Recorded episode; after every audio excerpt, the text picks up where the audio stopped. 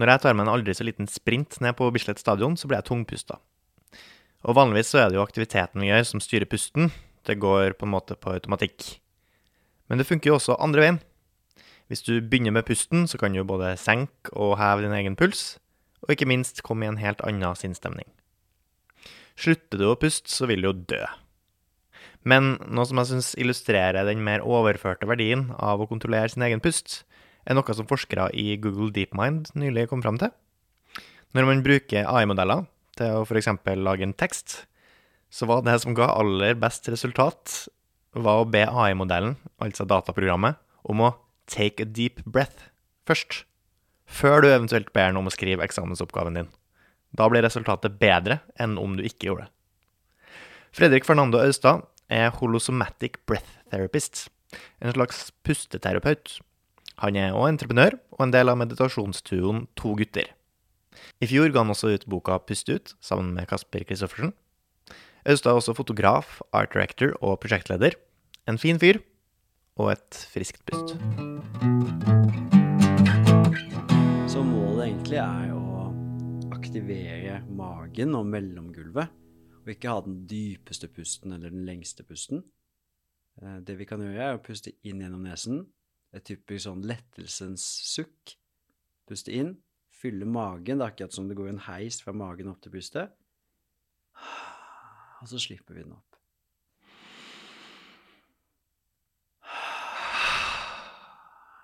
Gjerne med lyd. Pust inn.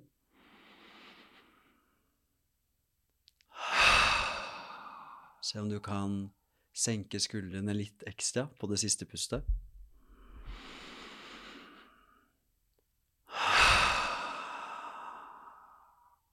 Kjempefint. Ja, klarte jeg det? Ja, du klarte det kjempebra.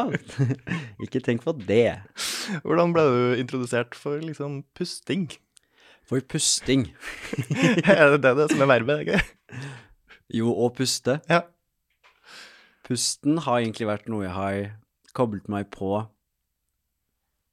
som en Det er konsekvens av å lande inn i dette mindfulness, selvutvikling, indre, ytre arbeidsfeltet.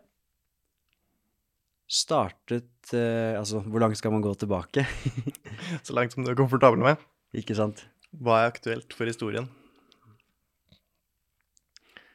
tror det er en nysgjerrighet i, i meg. Eh, Jeg er veldig nysgjerrig på livet. Litt mer de store spørsmålene, det filosofiske aspektet. Eh, samtidig som jeg er en veldig sensitiv person. Så jeg har mye følelser og tanker som hele tiden, på lik linje med veldig mange andre, eksisterer i meg. Eh, og i 20-årene, kanskje de mest utforskende årene for min del, de mer eh, prøver på forskjellige hatter, yrker, forskjellige gjenger, usikkerheter, eh, som sendte meg på veldig mange morsomme reiser, veldig mange fine menneskemøter. Men jeg ser tilbake på det nå, så skulle jeg ønske at jeg hadde hatt de verktøyene jeg har i dag, for å bedre forstå hva som skjedde inni meg, holde rom for det og arbeide med det. Og da jeg var 26, så var det en eh, nær venn av meg som valgte å gå bort. Og det dro litt teppe eh, ut eh, under beina mine, og jeg snublet pladask i gulvet.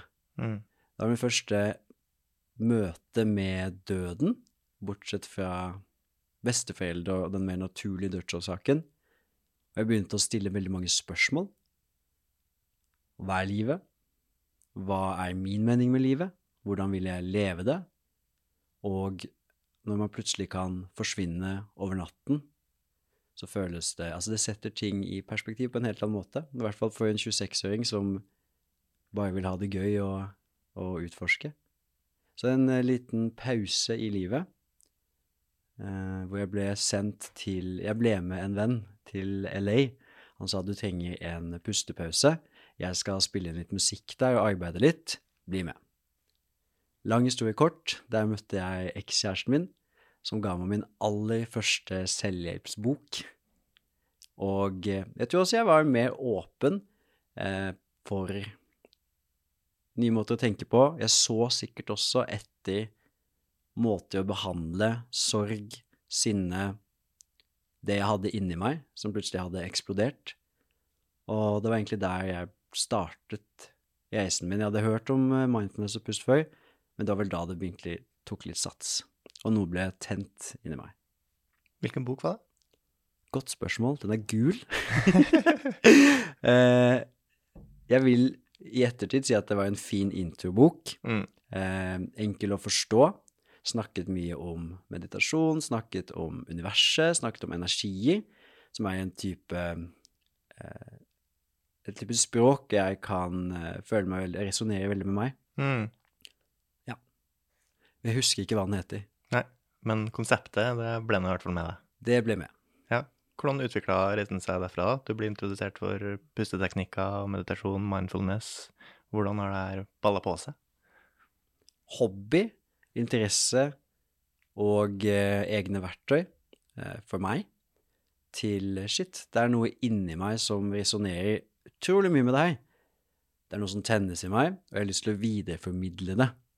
Prate om det med venner, eh, skrive om det på sosiale medier, dykke dypere ned. Jeg jobber jo også for meg selv, eh, så på den tiden så jobbet jeg mye med hvordan kan man lage en bedrift, eh, entreprenørsiden, og der var det jo også veldig poppis med meditasjon, pusteteknikker, eh, Silicon Valley-style, en helt annen måte å se på det på. Så de to sporene fulgte hverandre, Mm. og følger hverandre fortsatt i dag for min del, men kanskje litt mer integrert og ikke så, så grunt. Og eh, så har jeg tatt noen utdanninger, tatt noen kurs, og rett og slett bare kastet meg ut i det. Testet, prøvd, eh, startet, sluttet prosjekter, på samme måte som man tester ut andre ting i livet. Mm. Og så endte jeg opp eh, her jeg er i dag, som er med et eh, meditasjonsprosjekt. Eller em, Det er ikke et rent meditasjonsprosjekt. Det er et konsept som heter To gutter som mediterer, hvor målet vårt er å normalisere og ufarliggjøre bruken av pust, mindfulness, eh, både for privatpersoner og for bedrifter. Rett og slett integrere verktøy som vi har sett har vært til stede i østlig visdom og yogisk filosofi i mange, mange år, og som vi nå ser og har forskning på at shit, dette funker i oss. Mm. Hva var det første du prøvde der du merka en funksjon, eller merka en effekt? Jeg tror nok det var um, meditasjon. Jeg husker også jeg hadde et uh, Man kan få uh, ganske fine opplevelser selv etter noen få økter, og de blir bare bedre og bedre. Igjen en sånn teppemetafor. Eh, hver gang man som åpner teppet og er sånn Her kommer svaret, så er det et nytt teppe. Du går dypere og dypere. Det er alltid noe nytt å lære. Fordi den personen som møter opp til praksisen hver dag, er forskjellig fra den du var i går, den du var tidligere. Men jeg husker også etter seks år at jeg hadde en opplevelse hvor jeg var sånn Ok, men nå føler jeg at jeg forstår det litt. litt mer. Uh, ja, så meditasjon jeg er veldig glad i å meditere. Veldig glad i pusteøvelser. Og det at jeg er så engasjert i det, sprer seg sikkert da ut i arbeidet mitt i tillegg. Hvilken form for meditasjon var det du begynte med? Jeg tror jeg startet med klassisk mindfulness, men gikk i starten raskt over til mer spirituelle eh, meditasjoner. Energiarbeid, mye visualisering, eh, chakrameditasjoner, og eh, synes det var helt strålende. Mens i arbeidet vårt nå så bruker vi mer mindfulness og pust, for vi ønsker eh, å presentere verktøy som er mer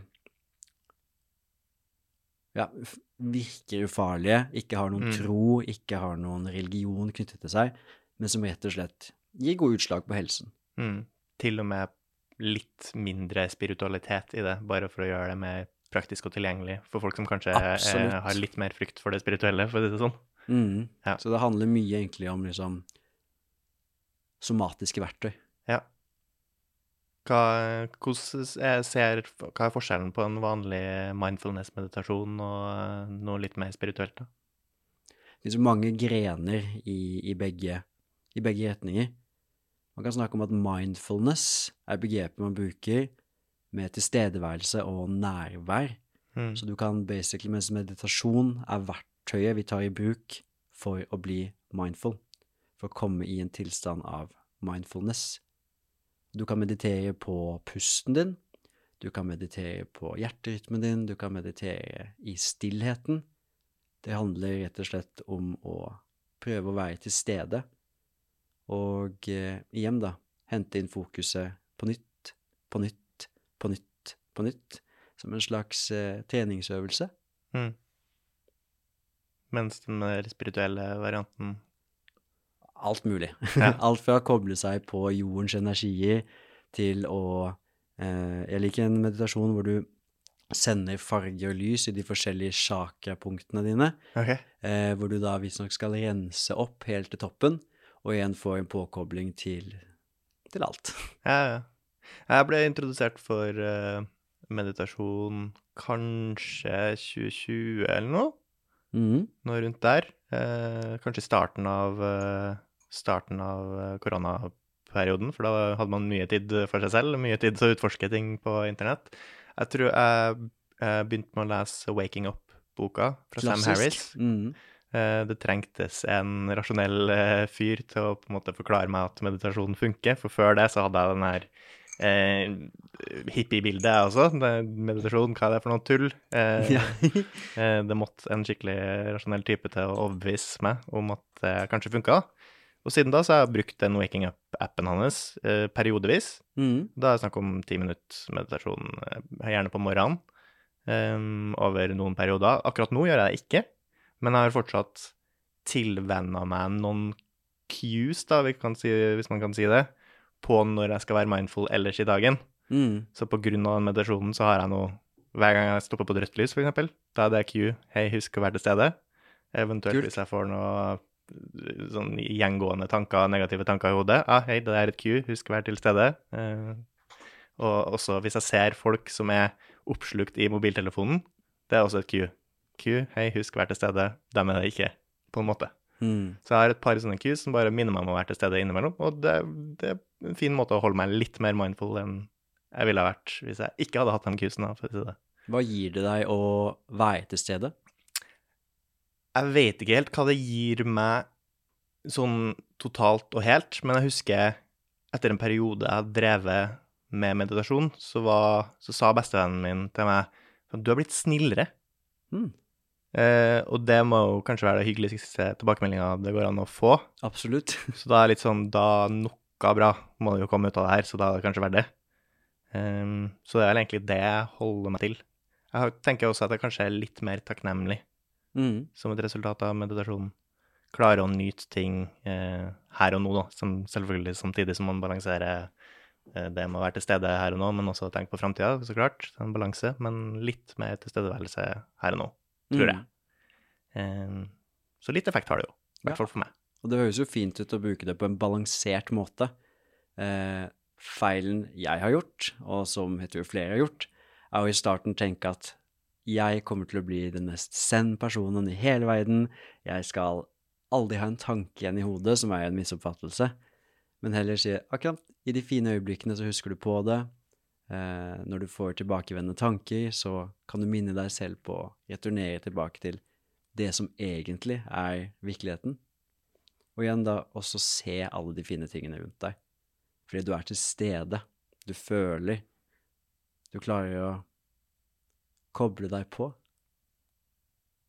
Jeg har også, som du sier, inntrykk av at eh, det trenger ikke å være meditasjon, men enhver sånn eh, self-improvement-aktig gren, da, der har man jo en tendens til å, hvis det er noe som funker bitte litt, så har man en tendens til å gå all in i det, bare for at ah, nå, det her kan løse alle problemene mine, Ja. åpenbart, siden det kan løse ett, da kanskje det kan løse alle problemene, så nå kan jeg meditere meg ut av alt.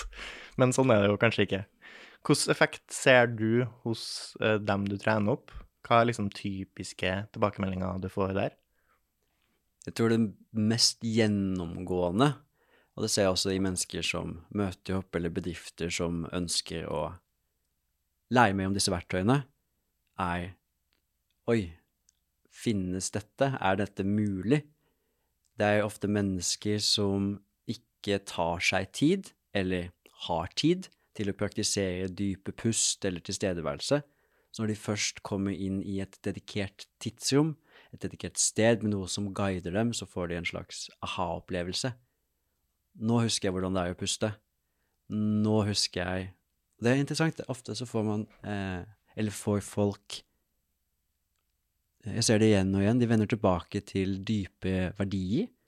Større tanker om livet sitt. Det er ikke en sånn short fix eller en sånn Jeg må skynde meg å fikse eh, av alarmberedskapsmodus i kroppen de roer seg, man senker nivået i nervesystemet, som åpner opp for ok, jeg er avslappet, nå har jeg kapasitet, kognitivt og energimessig, til å reflektere mer rundt hvem er jeg?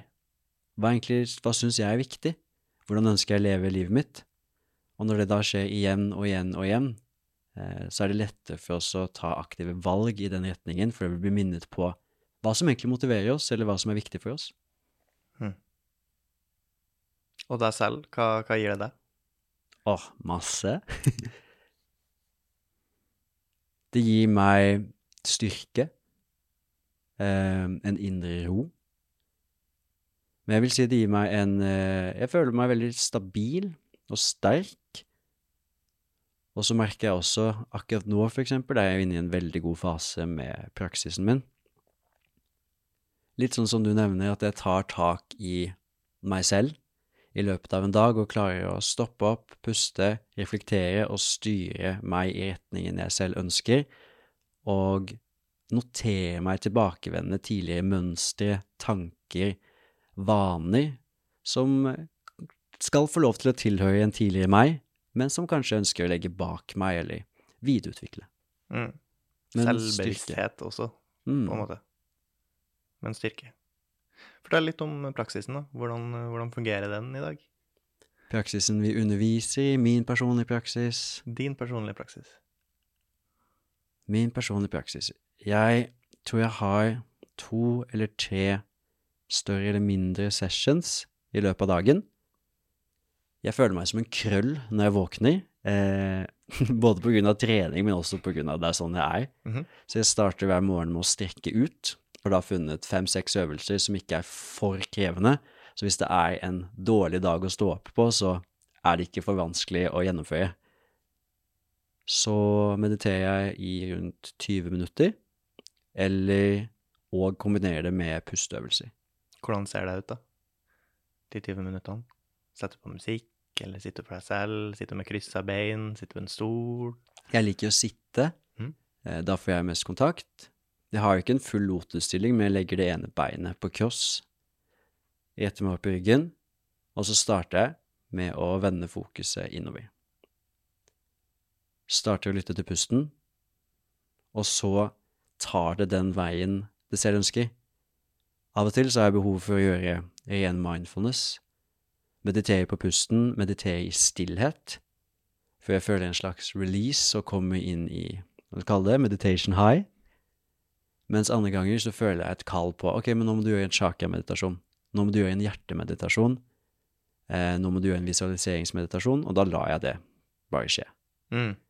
Så prøver jeg å gjøre det før jeg legger meg også på kvelden. Eh, og så er jeg veldig fan av å meditere etter trening.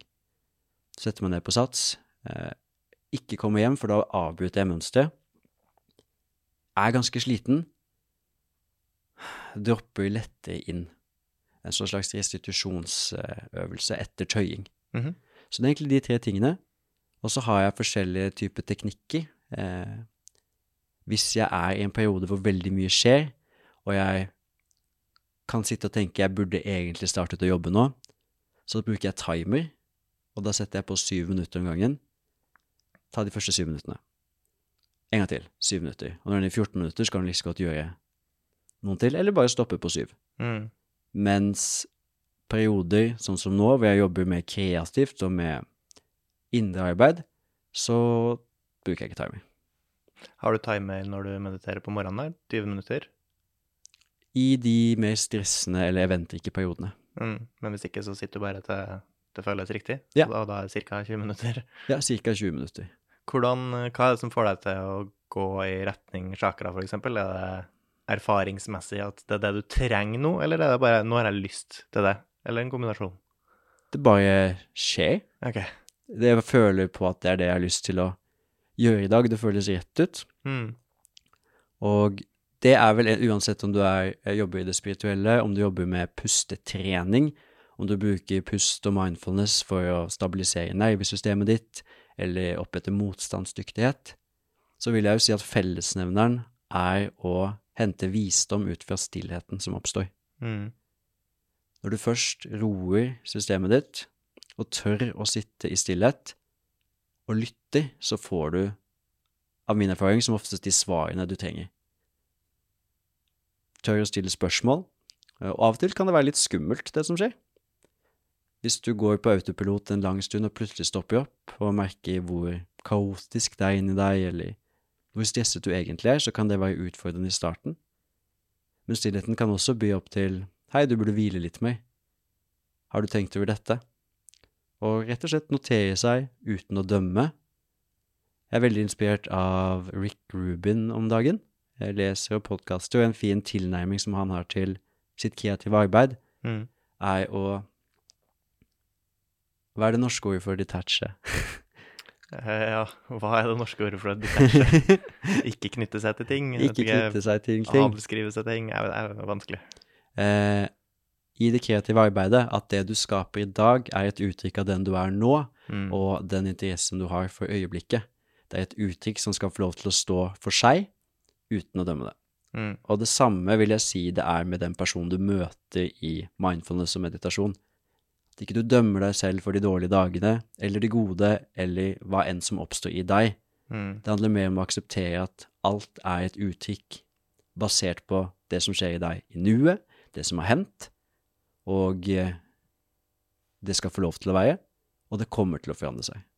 Og ikke minst, du er ikke tankene dine, som jo man har en tendens til å kanskje knytte seg opp i, i hvert fall jeg.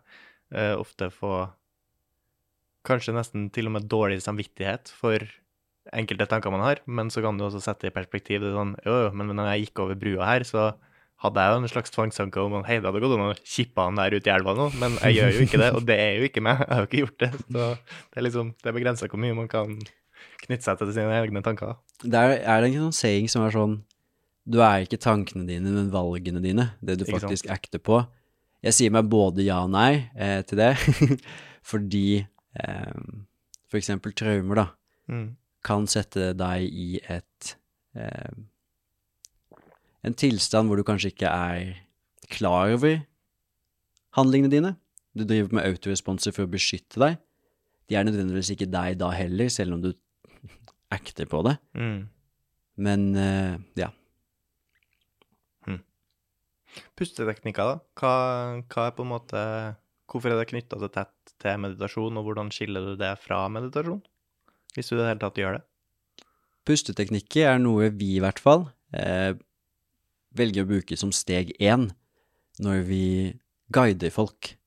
Det er ofte mye lettere å jobbe fra kroppen til sinn enn å sette seg ned og tenke seg til fredfullhet. Mhm.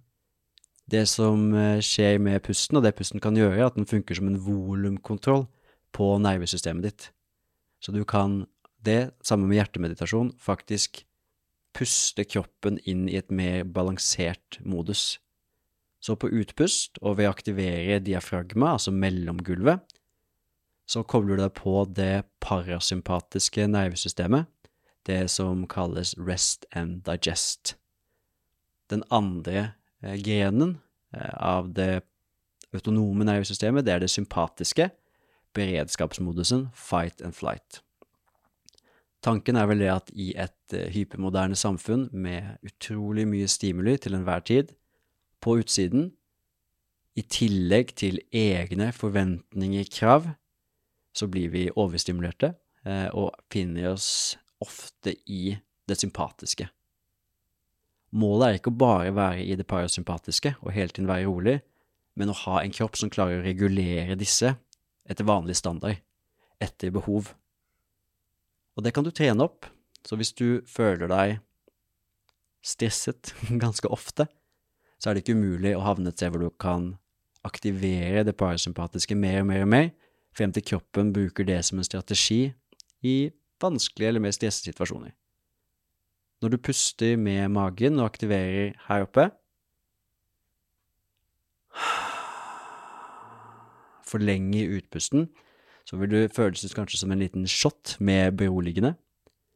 Gjentatte ganger, gjentatte ganger, gjentatte ganger vil føre deg inn til harmoni og balanse. Av og til. Eh, jeg er veldig på at pust og mindfulness ikke er svaret på alt. For eksempel i situasjoner hvor jeg er uro, urolig, enten det er noe med jobb eller et forhold, eh, en samtale jeg må ta, så kan jeg si at pusteteknikkene hjelper meg til å tenke mer overordnet og gjennomtenkt på det jeg skal si og gjøre, får meg til å slappe av før jeg tar fatt på arbeidet, men at releasen først kommer etter jeg faktisk har tatt noen valg, snakket og eh, behandlet problemet mer holistisk, da. Mm. Hm. Ja, jeg føler jo um, Siden folk er veldig stressa, eller man sier at vi lever i et ganske stressa samfunn, så har jo stress fått ganske negativ konnotasjon. Da. Folk tenker at stress, det, det, er dårlig. Men stress er jo nyttig i enkelte situasjoner. Altså hvis du trener eller hvis du er en intens jobb, så skal du jo være litt stressa. Mm. Men poenget er bare at du må lære deg å skru deg av når du skal slappe av. Jeg prata jo med en personlig trener eh, i podkasten tidligere, og han sa jo han brukte liksom pusteteknikker fra OK, nå skal jeg hjem fra jobb, da, nå skrur jeg av. Da må jeg skru ned det stresset jeg har hatt mens jeg har jobba og vært intens nå. Pusteteknikk, for nå skal jeg være en rolig person når jeg kommer hjem til familie. Og det er liksom praktisk bruk av pusteteknikker for å komme i modusen du egentlig ønsker å være i, da. Mm. Og som du sier, prøv å styre kroppen først, og så følger kanskje sinnet etter. Ja, og det er mye lettere å sette seg i meditasjon etter du har pustet ned. Mm. Så har du selvfølgelig også positiv stress og kan en slags opphissethet som kan fungere som en motivator. Og der har de også gjort forskning på at hvordan du tenker på stress har en direkte innvirkning på kroppen din i det øyeblikket. Så hvis du skal holde et foredrag, da, og uroer deg mer enn du bruker det som en styrkende motivator, så vil eh, blodårene dine bli mindre. Altså du vil få en eh, dårligere blodgjennomstrømning, mindre opptak av oksygen. Altså det er ikke en optimal utnyttelse av energien din. Mens dersom du bruker det som en motivator og tenker positivt på det, så ser man at de igjen utvider seg. Får en mer gjennomstrømning, mer, eh, bedre utnyttelse av energien din. Mm. Ja, der er jo tilbakemeldinga at nei, ikke være stressa. Men det er sånn, jo, litt stress før du skal holde et foredrag. Bra, det viser på at du betyr det. Det bryr deg. Det, det er ikke farlig. Det, det er fint møte med en positiv innstilling, så kanskje det hjelper litt. Mm. Men det er jo lett å si, da. Kanskje litt vanskeligere å gjøre. Ja, så er det noe med det også faktisk stå i vanlige menneskelige opplevelser og følelser, som er Altså, angst er vel en mer klinisk beskrivelse av selve angsten, mm. men så har du engstelse. Eh, og føle seg litt urolig eller stresset. Og eh, opparbeide seg motstandsdyktighet ved å Jeg tror jeg leste det i Morgenbladet for fredag det er eh, en norsk forsker som har sett på kognitiv atferdsterapi og eksponering i forhold til det man har angst for. Og man ser at det å gjennomføre sammen i trygge miljøer da, og med personer du stoler på, har en positiv effekt på disse engstelsene. Mm. Så ja, rett og slett ta bølgene som de kommer, og så kan du bruke pust, mindfulness og forholdene dine som roårer. Mm. Være mer stabil, for bølgene vil komme, men så slipper du å ligge og kave uten et eneste, en eneste åre. Ja, man kommer jo til De aller fleste av oss kommer til å oppleve enorm sorg, enorm engstelse, enorm smerte og enorm glede på et eller annet punkt i livet. Så det er jo bare prøve å være forberedt på de her følelsene som vi alle kjenner på, i ulik grad. Mm. Men uh, jeg har også hørt det der at hvis du selektivt eksponerer deg for ubehagelige ting, om det så er engstelse eller smerte eller kulde for den saks skyld, så vil du være mer tilpassa når det faktisk kommer uh, uforberedt, da. Mm. Så det er jo også en slags eksponeringsterapi. Jeg prøver å ha i hodet at jeg skal ta aktive valg Mm. eh, og gjennomføre ting. Eh, mange, mange år siden, eh, ute på Bygdøy, på Panteren, så ble jeg spurt om jeg ville hoppe fra store høyder. Jeg hater å hoppe fra store høyder. Jeg klarer ikke å finne motivasjon til det. Mhm. Men istedenfor da å tenke ok, men stå her og ja, men kanskje, kanskje ikke vær det som holder meg tilbake. Ta valget, gå og sett deg, eller hopp. Og prøver også å bruke det fast i hverdagen min. Få mer kraft inn i avgjørelsene, og av og til møte veggen. Eh, det var en feil avgjørelse, men jeg testet i hvert fall. Å trene opp den muskelen, eh, som jeg merker har gjort at livet mitt får mer energi, får gjort mer ting. Går også på større smeller, men eh, jeg føler det er verdt det, og det er bedre å teste. Mm. Blir litt mer risikosøkende, egentlig. Mm. Hm. Eller bare si ja eller nei, og ikke kanskje. Ja, ok. Mm. Vær mer bestemt, da. Mm. I større grad. Hvordan funker um, praksisen som i yrket, da? Hvis du er mindfulness guide og breathwork coach, hvordan funker den hverdagen? Det som er kult, er at det kan ta alle mulige retninger. Alt fra de kreative fasene, det å utvikle kurs, eh, lese eh, i et felt som man er veldig interessert i, se på forskning, teste over flere perioder. Så skal det da kuratere. Det finnes mange løsninger, og verktøyene vil være forskjellige fra dag til dag, person til person. Finne, sitt, finne mitt uttrykk. Eh, hva er det jeg ønsker å kuratere og presentere fra hele denne holistiske sekken med verktøy og bøker? Mm. zoome det inn, og så også få en litt sånn kreativ touch på det. Blant annet med det visuelle, eller eh, fremleggsteknikker, eller musikk. Og så har du jo hele den eh, business-delen av det, som er å få det ut, eh, markedsføringen, eh, drive, gjøre det til en bærekraftig bedrift, da. Som er to helt forskjellige måter å bruke hjernen på. Mm. Jeg er nok bedre på kreative og undervise enn business. Ja. Nå har vi høslet i to gutter som mediterer i ca. to år. Og det var en glede for oss å signe med et management i fjor som skal hjelpe oss med bedriftsutviklingen. Mm. Hva, hvordan, er, hvordan er en typisk time, da? Hvis, hvis det, har man en time? Har dere timer? Underviser dere Jeg har sett videoer at dere står med kanskje en hel gjeng som ligger ofte også, Mm. eh, og puster, og du guider dem. Hva, er det her folk som har Hvor har de sett dere? Hvor har de fått tak i dere? Hvordan, hvordan møter man opp til to gutter, eller? Vi har jo hatt et studio hvor vi har hatt klasser i litt over et år. Nesten ukentlige klasser. Og før det Nå tror jeg jeg må rape i et sekund. Det er jo fint. Få se om du skal klippe det inn eller ut. Jeg syns det er autentisk. Så mye god te med honning. Um, vi startet med et digitalt medlemskap, eh, hvor vi kjørte challenges, timer, men så at på den tiden så var folk mer interessert i faktisk møte opp. Og da hadde vi alt fra breathwork til mindfulness, eh, og forskjellige typer meditasjoner, gjerne kombinert. Akkurat nå så er vi i en utviklingsfase, hvor vi jobber med kurs og foredrag, samtidig som jeg underviser på et sted som heter The Conduit, eh, annenhver uke pluss minus. Og da har vi da en overordnet klasse som heter Breathwork. Morsom historie. eh, jeg har en utdanning i noe som heter Conscious Connected Breathwork, som er et mer terapeutisk eh, pusteredskap. Man puster veldig aktivt og intenst i 40 minutter til en time. Eh, du puster da dypt og intenst for å frigjøre energi, for å aktivere det som ligger lagret i diafragma og ellers i kroppen, slippe det ut. Tanken er det at kroppen vet hvordan den skal håndtere det. En slags kroppslig intelligens, kroppslig, kroppslig intelligens. Litt som at kroppen vet hvordan den leger sår. Den sier ifra når den er trøtt. Den sier ifra når den trenger å være aktiv eller sosial. Men vi har en tendens til å overkjøre disse signalene fordi vi må gjøre ting, vi føler vi må gjøre ting, vi skal være på en viss måte.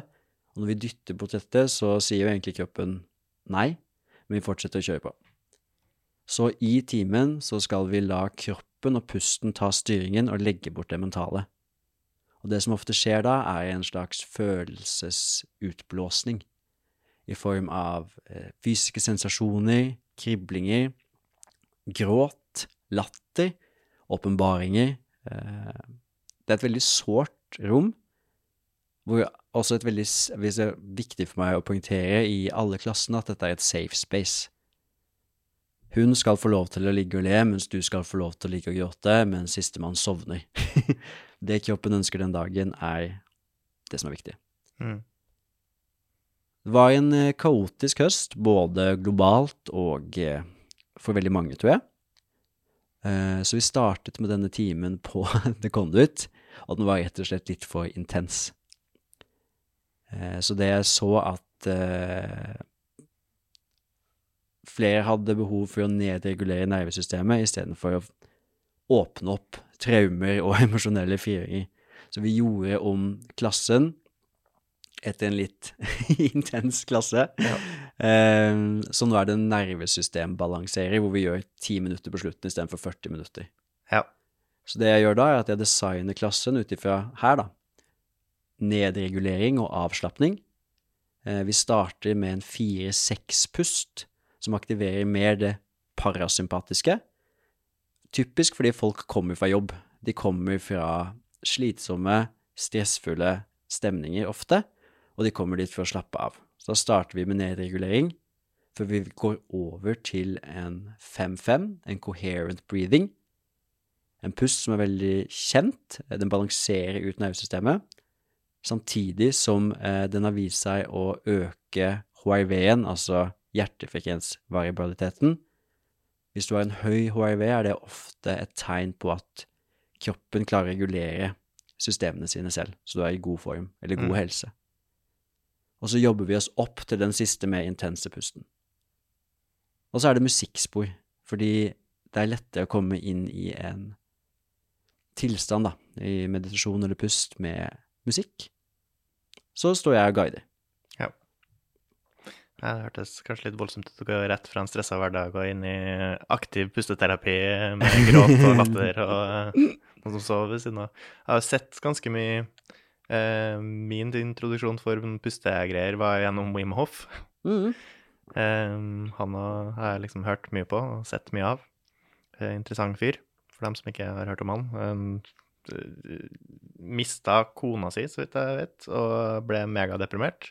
Og en dag dro han ut i kaldvannet. Jeg antar at det egentlig var for å ta sitt eget liv, men Mm. møtte da en slags glede i den her eh, møtet med ekstremt iskaldt vann, som bare fikk han på en slags reise der han bare testet sin egen kropp mot kulde med pusteteknikker. Og ut ifra det så har han på en måte blitt en sånn pusteteknikkguru som altså er så å si immun mot kulde.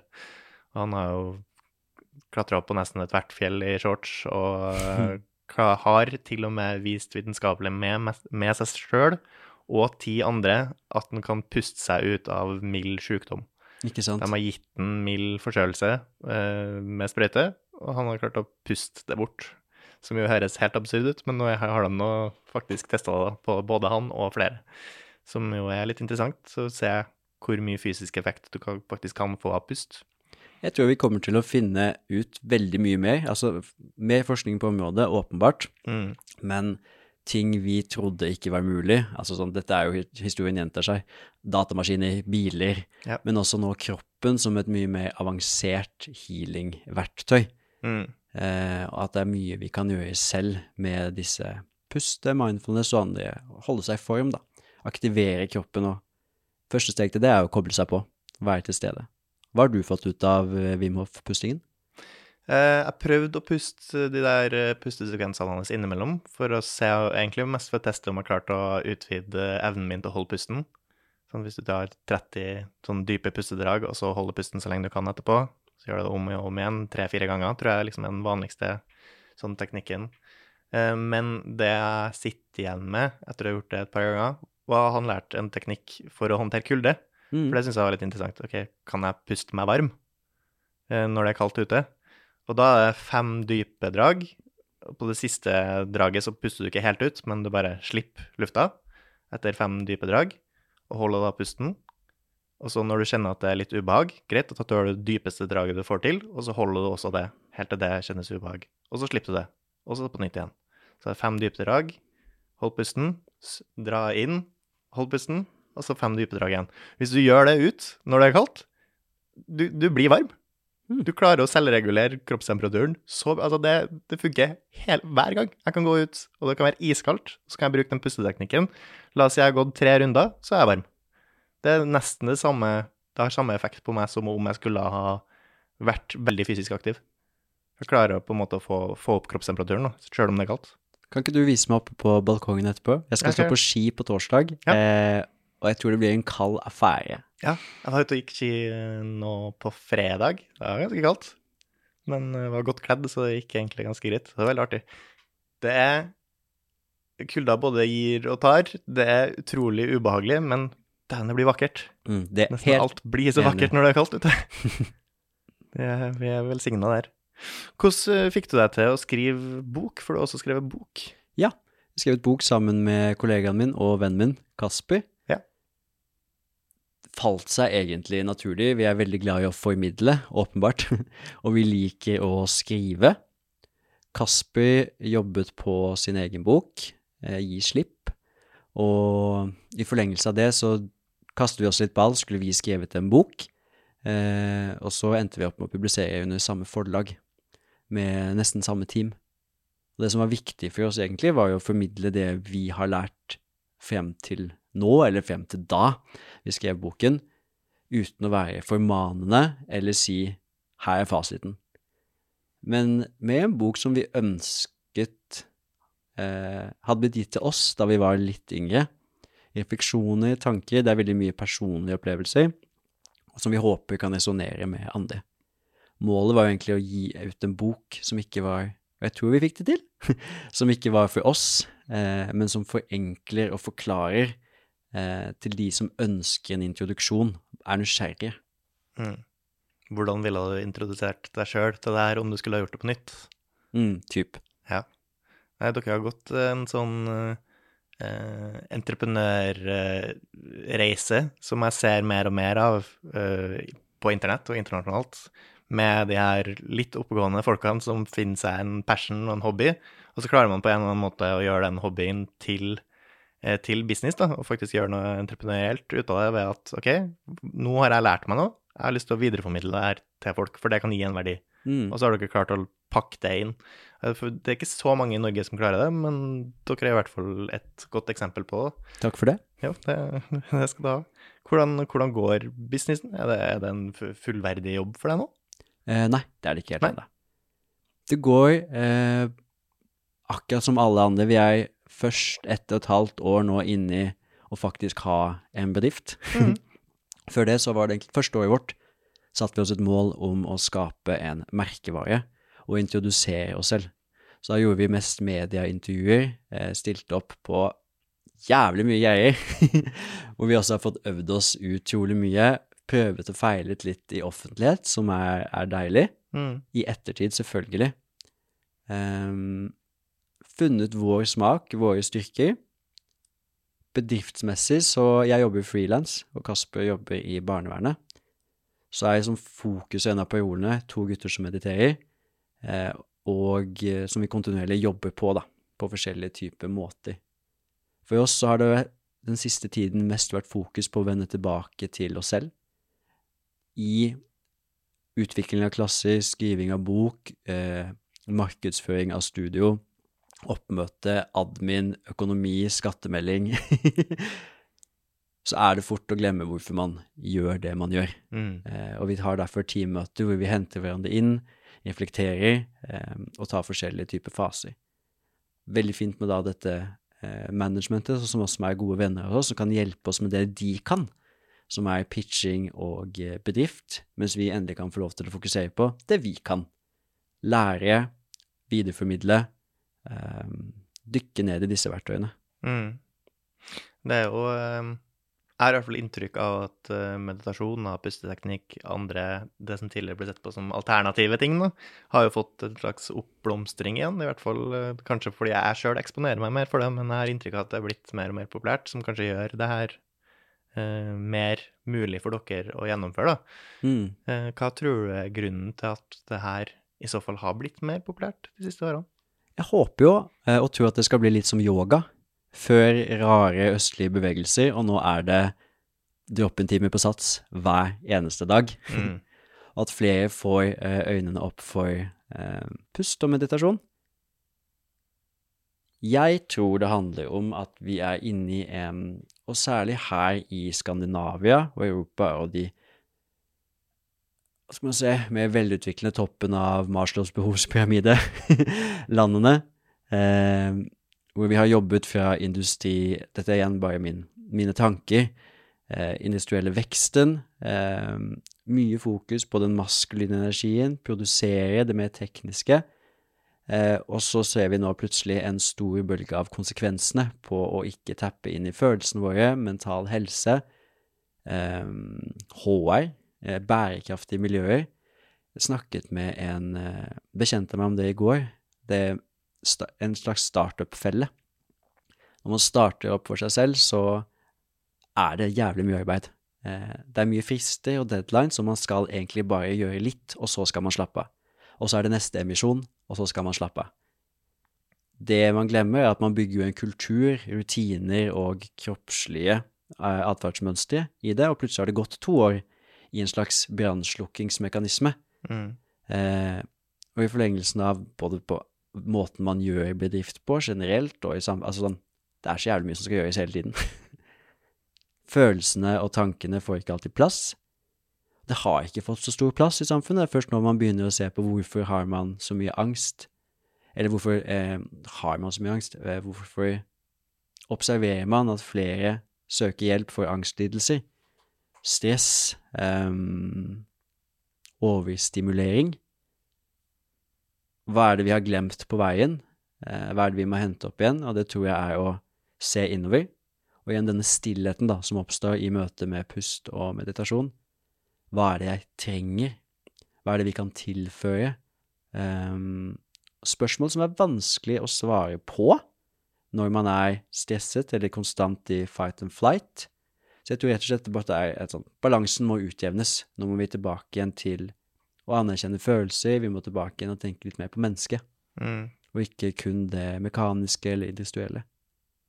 Og eh, det er gått kanskje så langt at vi begynner å føle det på kroppene våre. Og det er som oftest ikke før det tar en større plass i livet vårt at vi gjør noe med det. Så derfor tror jeg det har fått en litt større plass. Mm. For eh, dem få jeg foreslår uh, å meditere til, for det hender seg at jeg anbefaler å meditere, så sier jeg ofte at det er, kan være litt vanskelig i starten. Fordi jeg liker, jeg husker ikke hvem som sa det, men å sammenligne med en full innboks. Når du først begynner å meditere, så har du en ganske full innboks med tanker som du ikke har sittet og tenkt på, på en måte, eh, bevisst. Som alle kommer til å komme med en gang, og det kommer til å være proppfullt til å begynne med. Veldig fint bilde. Men, men jeg lover deg at hvis du bare kommer deg til bunnen av den innboksen, så blir det veldig mye lettere etter hvert. For da har du bare de mailene fra forrige uke, og ikke, ikke fra et helt liv. Mm. For det opplevde jeg i hvert fall i starten, at det var veldig voldsomt til å begynne med. Fordi jeg har aldri tatt deg tida til å faktisk sitte og la tankene bare flyte. Um, men helt i starten så kan det være litt skremmende òg, men bare det går over. Det fins en, eh, en undersøkelse som eh, viste at jeg tror det var 60, det var ganske mange de spurte, 60% av mennene som var involvert, vil heller eh, gi seg selv elektrosjokk enn å sitte alene med tankene sine. Ja. Det er kanskje svar nok. Ja. Andelen var lavere blant kvinner. Ja, det er litt gøy å kjenne på hva man tåler av elektrosjokk. Spennende å teste sine egne grenser.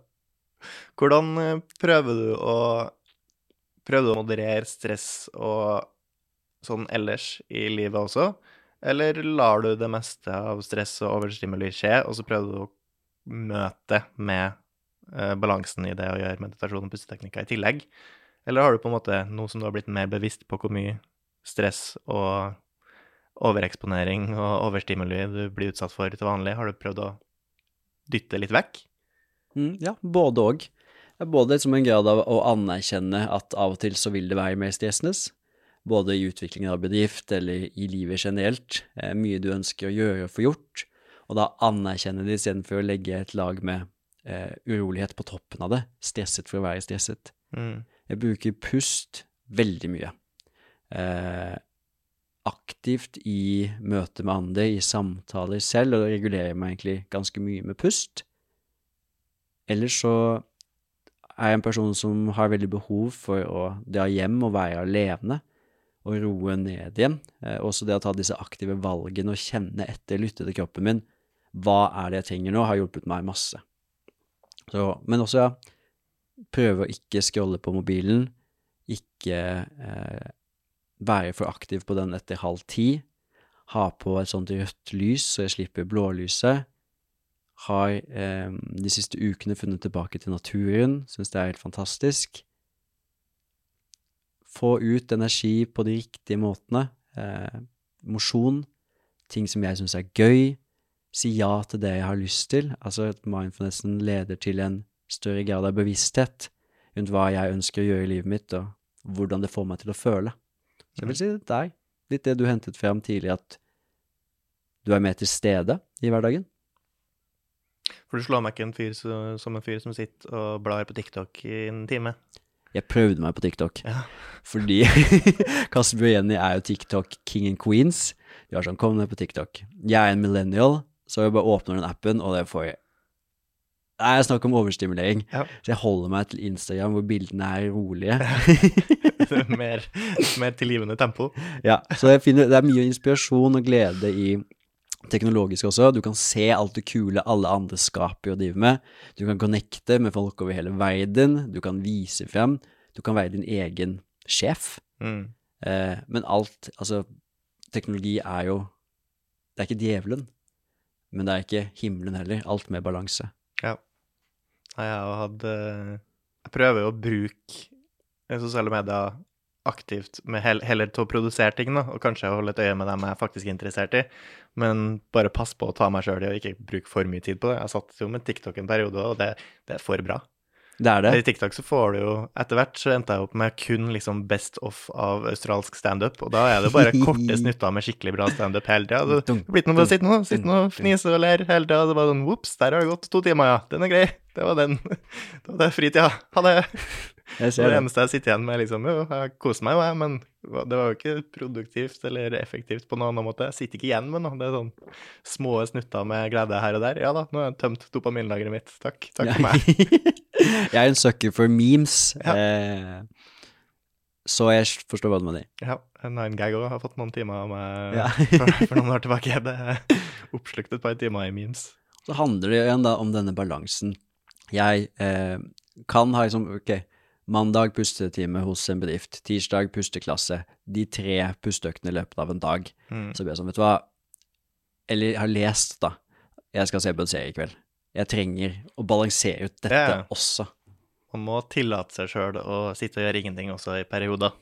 Det, det er jeg helt enig i. Det er liksom Jeg har ikke den Før også var jeg hadde en periode der jeg liksom skulle kutte ut alt av sånn form for underholdning. Altså ikke se på noen serie, ikke spille noe spill, ikke se på noe sosiale medier-ting.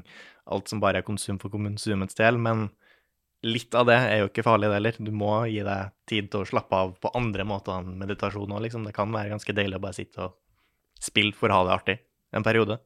Det går 100% Og da er det igjen på liksom det å ikke bruke selvhjelp som en konstant optimaliseringsstrategi. Mm. Putt det inn i de områdene hvor du ønsker å utnytte energien eller komme en vei, men det høres ut som et utrolig jag å alltid skulle optimalisere alle deler av livet sitt. Mm. Eh, og da er du jo ikke helt mindful heller, helt til stede, eh, for du ser hele tiden etter forbedre, forbedre, forbedre, forbedre. forbedre. Det er jo Problemet med optimalisering er jo når optimaliseringa sjøl blir en utfordring. Sånn, Hvis det går negativt ut på deg, så er jo ikke det optimalisert. Nei, sant. Da slår det jo mot seg sjøl. Hvordan var det egentlig å skrive bok? For jeg har liksom vært inne på tanken et par ganger i livet, jeg òg. Kanskje jeg skal skrive bok? Aner ikke hva jeg så skal skrive om. Men det er sånn, hvor, hvordan begynner man med det? Ah, det var både og, ass. Ja. Det starter jo som eh, de fleste prosjekter. Eh, inspirasjon, høy, høy vilje og lyst. Eh, og så er det å samle alle tankene og finne ut. Vi har jo skrevet mange utkast. Første utkastet vårt var redaktøren sånn Nei. Kommer tilbake med utkast nummer to. Ok, her har vi noe å begynne på. Eh, veldig gøy å sette seg ned. Ok, hvilke tematikker skal vi ha med? Du er interessert i det, det bruker du mest i ditt liv, da går du for den. Så tar jeg denne, og så skriver vi dette kapitlet sammen. Mange gode eh, sessions med research og inspirasjon, og mange deadlines, og litt sånn Åh, kan denne boken bare bli ferdig? så etter, og særlig sånn jo nærmere det nærmer seg publisering og hele den pakken der, så blir jo deadlinesene shorter, shorter, shorter, shorter. Um, og du blir mer irritert, irritert, irritert. Så å finne tilbake igjen etter boken var gitt ut, um, var også noe jeg jobbet med, i hvert fall. Mm. Begynne å elske den igjen. Begynne å lese den. Uh, hva er på andre siden av all, alle deadlinesene, all markedsføringen og all business-delen av det, og huske på hvorfor vi gjorde det. Og så snu det igjen. Ja. Eh, når det blir for intenst og for mye business, så kan man miste litt kjærligheten til det man faktisk skriver om eller gjør. Mm. Ja, jeg skjønner det. Hvis du skulle dratt ut uh, altså, tips og triks til folk som på en måte har lyst til å kanskje lære mer om pusseteknikker eller meditasjon, hvor, hvor ville du ha begynt? Jeg tror jeg ville begynt med å gjøre litt research. Først og fremst finne ut av hvordan liker du å lære. Hva er den laveste terskelen for deg å starte? Noen trenger en gruppetime for å bli ansvarliggjort eller for å møte opp, mens for andre kan det å eh, prøve noe nytt sammen med fremmede være en kjempestor utfordring. Hvilket test, og test ut så mye som mulig. Prøv apper, eh, prøv Headspace, prøv Open, Kom på min klasse. eh, YouTube, masse. Der har du et bibliotek med alt fra guidede øvelser til Bare google og søk deg fram. Test ut, eh, steg for steg. Ikke kom inn i denne 'jeg skal meditere hver dag'. Start med ett minutt, om det er det du har lyst til. Start med fem, og bare jobb deg videre. Finn ut hva som er din smak akkurat nå, og vær fleksibel på at det kan endre seg. Noen perioder er jeg sånn ok, men jeg trenger å jobbe med kroppen, yoga, strekk etc mens andre ganger ønsker jeg egentlig bare å sitte i mitt eget. Så vær åpen for at ting kan forandre seg, ikke vær så hard med deg selv. Se på det mer som en utforskning og en lek. Å jobbe med pust og mindfulness, eller egentlig jobbe med sitt indre, det er jo et life goal. Så short term goalet er jo å lære seg teknikkene og prøve frem, mens livsmålet er jo å få det integrert og bruke det aktivt litt hver dag. Mm. Og det er jo et helt liv, så du har masse tid. Du har god tid. Hva vil du si er de viktigste tingene du har lært av å bli eksponert for denne her eh, puste- og meditasjonskulturen og teknikkene?